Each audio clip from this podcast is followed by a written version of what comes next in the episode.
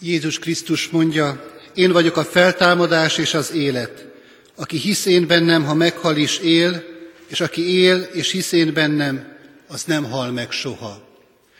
Kegyelem néktek és békesség Istentől, a mi atyánktól, és az ő egyszülött fiától, az Úr Jézus Krisztustól. Amen. Kedves testvérek, husvéti ünnepi istentiszteletünket a 185. dicséret éneklésével kezdjük meg. A 185. dicséret így kezdődik, Krisztus feltámadott, kit halál elragadott.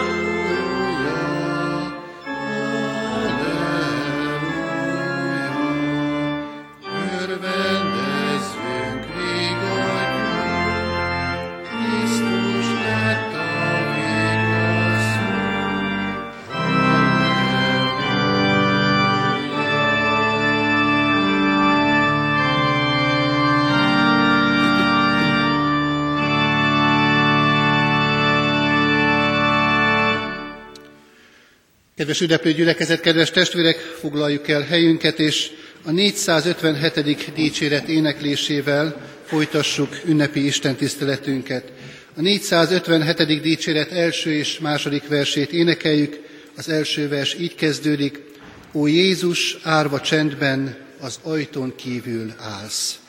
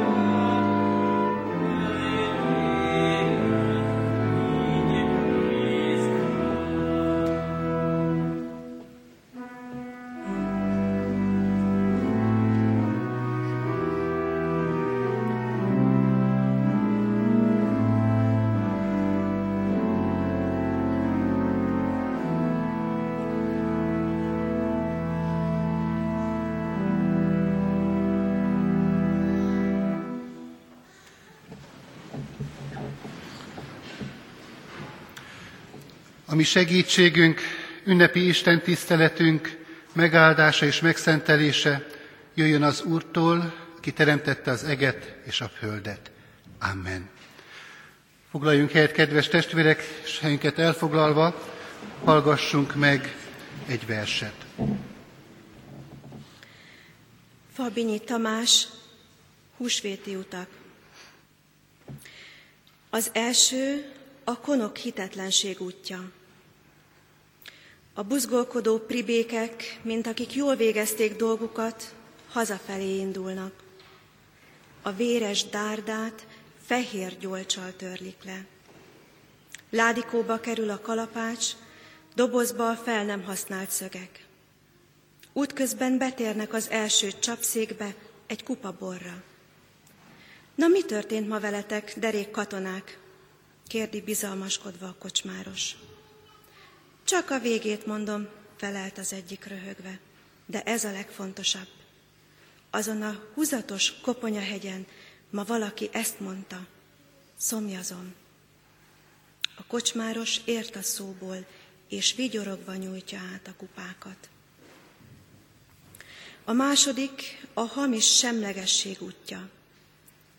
A talányos, taláros ember, Júdea helytartója, aki éppen képmutatásával enged teret az erőszaknak.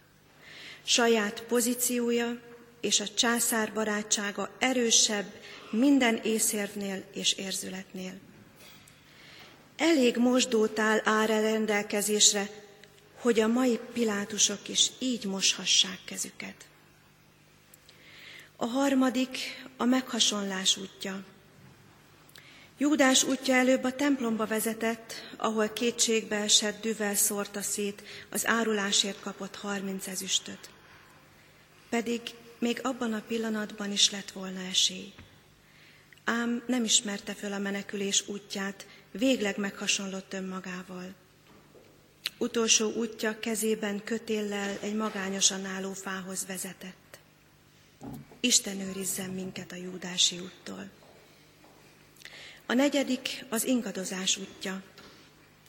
Talán Pétert is megkísértették a júdási végzett gondolatai, ám tekintete találkozott Jézus szelíd szemével. És az egy tömbből faragott marcon a halászember, a meglett férfi újra képes volt sírni. A mester utána ment az ingadozó tanítványnak, ismét megérintette a megrepett kősziklát. Az ötödik a kételkedés útja. Igen, ez a Tamásé. De ő nem a hitetlen Tamás, hanem a kételkedő. Bizonyos helyzetekben a kételkedés többet ér a gyáva hitnél. A hatodik a szeretet útja. Hajnalban asszonyok indultak útnak. A győztesek még bódult álmukat álmodták, a vesztes férfiak is rémülten húzták össze magukat vackukon. De ők, az asszonyok elindultak. Szeretet és részvét vezette őket. A hetedik a feltámadott útja. Lépte csöndes, szinte észrevétlen. A bezárt ajtón keresztül lepi meg tanítványait. Szemük láttára jóízűen halat eszik, a gyász sötétje elmúlt. Ez az élet derűje, a feltámadás öröme. Azt mondta nekik, előttetek megyek Galileába, vagyis vissza az első találkozások színhelyére. Ott várja őket. Helyünkön maradva hajtsuk meg fejünket és imádkozzunk. Urunk Istenünk, mindenható mennyi atyánk az Úr Jézus Krisztusban. Köszönjük neked azt, hogy lehetőséget készítettél számunkra, hogy itt ezen a helyen összegyülekezve rád figyelhessünk. Urunk, Te tudod, hogy mennyiféle úton érkeztünk ide, hányféle helyzetből jöttünk, mennyi mindent hoztunk magunkkal, de mégis most, ami minket összeköt és egyé tesz, az, hogy rád szeretnénk figyelni, veled, mint feltámadott élő Úrral szeretnénk találkozni. És jól tudjuk, Urunk, hogy a Te szándékod is ez. Annak ellenére, hogy sokféle elválasztó fala van a mi életünkben ennek a találkozásnak, amit mi építettünk bűneinkkel, hűtlenségünkkel, engedetlenségünkkel, te mégis áttöröd ezeket a falakat, és egészen közel jössz hozzánk. Kérünk, Urunk, hogy valóban a Te közelségedet, a Te jelenlétedet hadd tapasztalhassuk meg itt az ünnepi Isten tiszteletben és a mi életünkben. Ehhez kérjük a Te szent lelked jelenlétét, áldását, hatalmát, világosságát, hogy a Te igédnek lehessünk megértői, befogadói, magunkkal vívői és majd cselekvői. Jézus Krisztusért kérünk, hallgassd meg a mi könyörgésünket. Amen. Kedves testvérek, az a bibliai ige szakasz, melynek alapján Isten szent lelkének segítségével az üzenetét hirdetni kívánom mai Isten tiszteletünkön. János evangélium a 20. részében olvasható, a 20. rész 19. versétől kezdve a 23. vers végéig. Eképpen szólít meg minket Isten írott igéje a megnevezett helyen. Aznap, amikor beesteledett a hét első napján, ott, ahol összegyűltek a tanítványok, bár a zsidóktól való félelem miatt az ajtók zárva voltak, eljött Jézus, megállt középen, és így szólt hozzájuk. Békesség néktek. És miután ezt mondta, megmutatta nekik a kezét és az oldalát. A tanítványok megörültek, hogy látják az Urat. Jézus erre ismét azt mondta nekik, békesség néktek. Ahogyan engem elküldött az Atya, én is elküldelek titeket. Ezt mondván rájuk lehet, és így folytatta. Vegyetek szent lelket. Akinek megbocsátjátok a bűneit, azok bocsánatot nyernek, akikéit pedig megtartjátok, azoknak a bűnei megmaradnak. Kedves gyülekezet, kedves testvérek, a husvéti történet egy részletét hallhattuk a felolvasott igében, és hogyha arra a szituációra gondolunk, amiről most az imént olvastunk, akkor azt mondhatjuk el, hogy nehéz emberi szavakkal leírni mindazt, amit a tanítványok a hét első napján éreztek és átéltek. Hallottuk a történetből, hogy beesteledett húsvét napján. Semmi ünnepi érzés nem volt bennük a feltámadás napjának estéjén. Sőt, egész nap nem volt ilyen érzés a tanítványok szívében. Sokkal inkább várták nem a feltámadott Krisztust, hanem várták a katonákat, a templomőrséget, gondolván arra, lehet, hogy ők is hasonló sorsra jutnak, mint mesterük. Ott van tíz tanítvány ebben a bezárt szobában, és tanácstalanul várakoznak. Hallottak ugyan híreket arról, hogy asszonyok jártak kora reggel a sírnál, és elhengerítve találták azt a nagy követ, amelyen lezárták Jézus sírját, és arról is hallottak, hogy üres volt a sír, tanítványok közül is néhányan ezt láthatták, hiszen elmentek, hogy bizonyosságot szerezzenek, de ennél több információval nem rendelkeztek. És hogyha arra gondoltak, amit üzenetként az asszonyok hoztak, hogy tudnélik feltámadt Jézus a halálból, akkor erre a hírre leginkább a tanítványok csak legyintettek, és ezt mondták, az ki van zárva. És ennek a következménye pedig az lett, hogy ők pedig bezárkóztak. Nem hitték azt, hogy Krisztus valóban feltámadt. És emiatt a zsidóktól való félelem következtében magukra zárták szoba ajtaját, ahol együtt voltak. A tanítványok száraz racionalizmusának ez lett a következménye. És ebben a helyzetben valami egészen meglepő dolog történik. Hallottuk a fölolvasott igében, hogy ha bár be volt zárva az ajtó, Jézus mégis megjelent ott abban a szobában, ahol a tanítványok együtt voltak, megállt középen, és megszólalt. Elkezdett a tanítványaihoz szólni, nekik beszélni. Kedves testvérek, nézzük meg közelebbről a husvéti történetnek ezt a három mozzanatát. Az első gondolat, amit szeretnék kiemelni ebből a följegyzésből, az ártajtó képe. Egyrészt nagyon beszédes ez a kép, másrészt ismerős, talán ijesztően ismerős számunkra.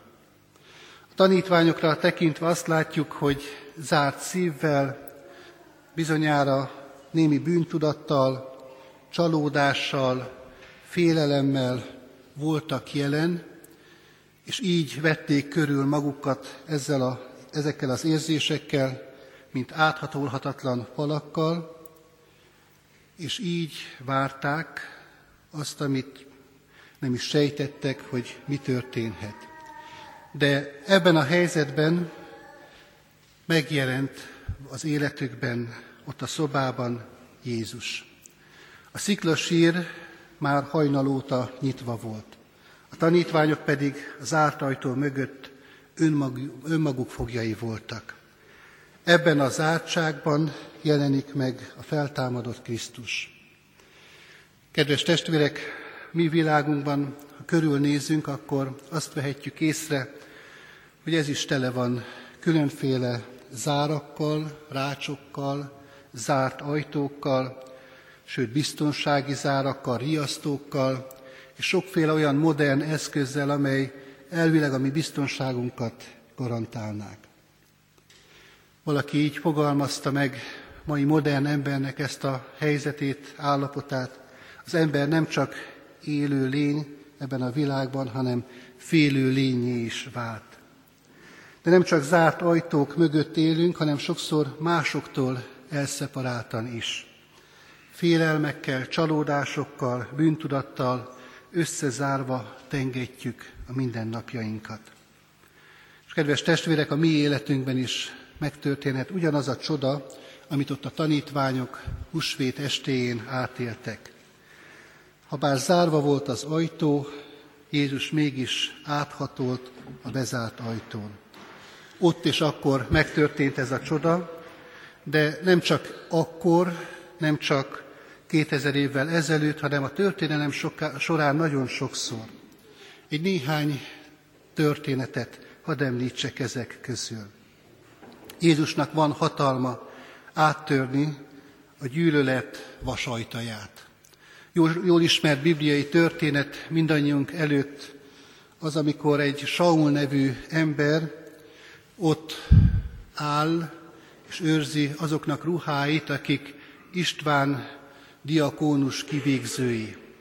Ő ott akkor más nem tehet, de ennyit legalább hozzátesz az akkori keresztények üldözéséhez. Később már többre futja, több mindent tud tenni keresztények kiírtása érdekében. Írás szerez, felhatalmazást kap, hogy Damaszkuszban összegyűjtse a keresztényeket. Elindul, és jól tudjuk, hogy ott a Damaszkuszi úton milyen változás történt ennek az embernek az életében. Azért, mert Krisztus az ő gyűlöletének vasajtaját áttörte, és lett belőle Pálapostól. Micsoda komplikált zár az emberi ész, az úgynevezett tiszta értelem. Egy másik emberről hadd tegyek rövid említést, egy zseniális, fiatal jogász esete jut eszembe, akinek a fejében összeállt minden gondolat rendszerekké, jogi paragrafusok sokassága volt az elméjében, és egyszer csak, mondhatni egyik pillanatról a másikra megváltozott az élete, a korábbi dorbézoló, sok mindent figyelmen kívül hagyó ember hitre jutott. Augustinusról van szó, aki Szent Ágostonnál lett. A pénz szeretete is lehet olyan akadály, amit Jézus Krisztus át tud hatolni. A pénz nagyon sok mindent lezár és kizár az ember életéből. Előttünk van szintén történelem könyvekből egy híres ember, Bernadone Ferenc, egy dúsgazdag, ruhas kereskedő gyermeke, aki szórja a pénzt, versenyt iszik másokkal, botrányt okoz szinte minden nap, és egy másik nap kilovagol, meglát egy leprás embert, egy koldust, és Ferenc a nyakába borul.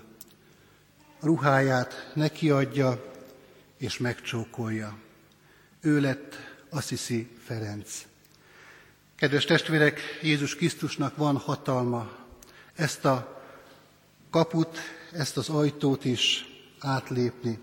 És Jézus át tud hatolni az üresség szörnyű érzésén is. Át tud hatolni azon az érzésen, amikor úgy érezzük, hogy semminek nincs értelme, minden kiüresedett az életünkbe. És hogyha oda belép Jézus, akkor minden kivirágzik. Ott megjelenik az élet, mert az élőből élet fakad, és ezt nem kell bizonyítani. Még egy halott egyházat is fel tud támasztani, egy halódó gyülekezetet is meg tud eleveníteni. Mint ahogyan, ami sokszor gyenge, éppen hogy csak pislákoló hit életünket is meg tudja eleveníteni. Jézus Krisztus tehát átlép a zárt, a zárt ajtón, ott van a középen, és ezáltal újítja meg a tanítványok életét. Kedves testvérek, ez a következő mozzanat és a következő kép, amire érdemes odafigyelnünk, hogy miután áthatolt Jézus a bezárt ajtón, ezután megáll annak a szobának a közepén, ahol a tanítványok együtt voltak. A tanítványok döbbenetükben némán ültek, mozdulatlanul senki nem tudott szólni egy szót sem, ahogy meglátták ott Jézust. De mégis szívüket hihetetlen, megfoghatatlan öröm töltötte be, a reménység és a szeretet melege kezdte átjárni. Érdemes odafigyelni arra az apró részletre, amit János evangélista itt feljegyez. Jézus nem annak a szobának egyik vagy másik sarkába állt meg, és kezdett el beszélni a tanítványaihoz, hanem a szoba közepére állt. A középpont sajátossága, hogy minden hozzá viszonyítva értelmezhető. A középpont orientál. Kedves testvérek, a tanítványok élete is újra orientálódik ott húsvét napján. Igazodnak mindahhoz, ami ott velük történik. Aki középen áll, ahhoz igazodik az életük. Önmagukba zárt életüknek félelmeiket és mindent szorongató érzéseiket összefüggésben kezdik látni, az élő Krisztus áll középen, és ez értékeli át, ez értelmezi át az életüket. Így van ez a mi életünkben is. Ha Jézus Krisztus kerül a középpontba, akkor átértékelődik minden bennünk. A tanítványok, amikor meglátták, akkor nem értették, hogy mi lesz ennek a folytatása, de mégis egészen egyértelművé vált számukra, hogy van új kezdete az életüknek. Egészen más értelmet nyert az életük, mint ami értelme eddig volt. Mert látták, hallották a feltámadott és élő Krisztust. És ez a harmadik mozzanata ennek a történetnek, középen álló, feltámadott Krisztus megszólal. Megszólítja a tanítványait. Tanítványok talán amikor meglátták ott középen Jézust, akkor önmagukba feltették a kérdést, vajon mit fog most mondani? Szemünkre hányja értetlenségünket, szembesít hűtlenségünkkel, korhol hitetlenségünkért. Hallottuk a felolvasott igében, Jézus nem ezt teszi, hanem csak ennyit mond nekik, békesség néktek. Ez a jól ismert köszönési formula ott abban a korban azt jelentette, hogy az ember számára a legtöbbet kívánja az, aki így köszönti őt. De itt nyilván többről lehet szó, mert Jézus nem csak egyszer köszönti így tanítványait, hanem kétszer is elhangzik ez a rövidke mondat, békesség néktek. Hiszen jól látta Jézus, hogy mi van tanítványok szívében. Látta a békétlenséget, látta a félelmet, látta azt a rettegést, amely arra indította őket, hogy bezárkozzanak abba a szobába. Az első dolog, amire a tanítványoknak ott szükségük volt, az a békesség, amelyet Jézus adhat az embernek. A feltámadott élő Krisztus adhat nekünk is. És ahogy Jézus megszólal, ott elkezd a félelem szűnni, és elkezd az ember élete új értelmet nyerni. Mert Jézus nem csak köszönti a tanítványokat, hanem azt is elmondja nekik, hogy küldetésük lesz. Ahogyan engem küldött az Atya, mondja Jézus, én is hasonlóképpen küldelek titeket. És ez a találkozás, a húsvéti találkozás alkalma ezt a célt szolgálja, hogy a tanítványokat Jézus elkezdje fölkészíteni arra a szolgálatra, ami rájuk vár. És majd későbbi napokban is, egészen mennybe menetel pillanatáig Jézus ezt teszi tanítványaival. Felkészíti őket az ő további szolgálatokra. Kedves testvérek, mi is ezt élhetjük át, ezt tapasztalhatjuk meg itt, ezen a mai Isten tiszteleten. A mi Úrunk megszólít minket azért, hogy felkészítsen arra a küldetésre, amely vár ránk a hétköznapokban, az ünnep elmúltával. Ő ma is itt van, közöttünk, itt a középen.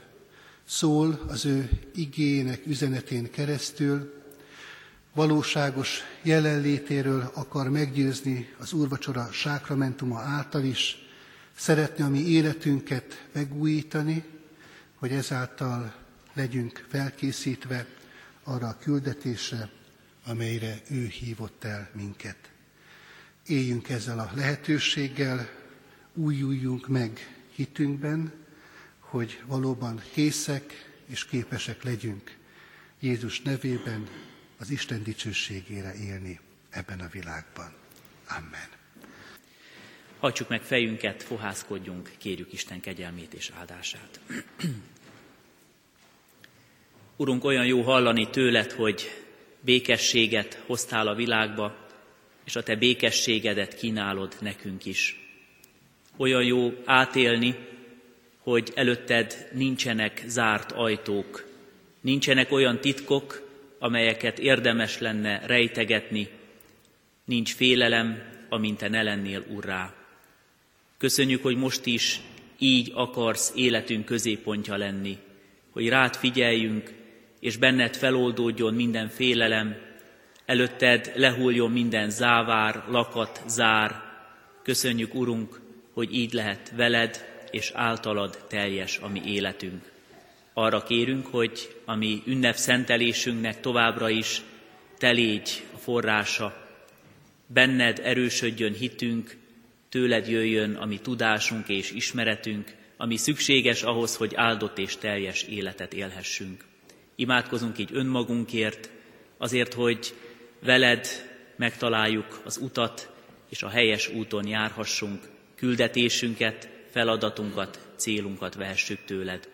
És imádkozunk szeretteinkért, imádkozunk ezért a közösségért, hogy ahol szükség van a te vigaszodra, légy jelen, ahol szükség van a bátorításodra, te lelked által állj a félők mellé, így kérjük, hogy legyen áldott ez a közösség, a te néped dicsőségedre. Hallgass meg így imádságunkat, Jézus Krisztus, ami Urunk által. Amen. Mondjuk el együtt a mi Urunktól tanult imádságunkat is. Mi, Atyánk, aki a mennyekben vagy, szenteltessék meg a Te neved, jöjjön el a Te országod, legyen meg a Te akaratod, amint a mennyben, úgy a földön is. mindennapi kenyerünket add meg nékünk ma, és bocsáss meg védkeinket, miképpen mi is megbocsátunk az ellenünk védkezőknek. És ne vigy minket kísértésbe, de szabadíts meg a gonosztól, mert Tiéd az ország, a hatalom és a dicsőség mind örökké. Amen. Fennállva kérjük és fogadjuk Isten áldását. Az Istennek békessége, mely minden értelmet felülhalad, őrizze meg szíveteket és gondolataitokat a Krisztus Jézusban. Amen. Áldás békesség viszontlátás.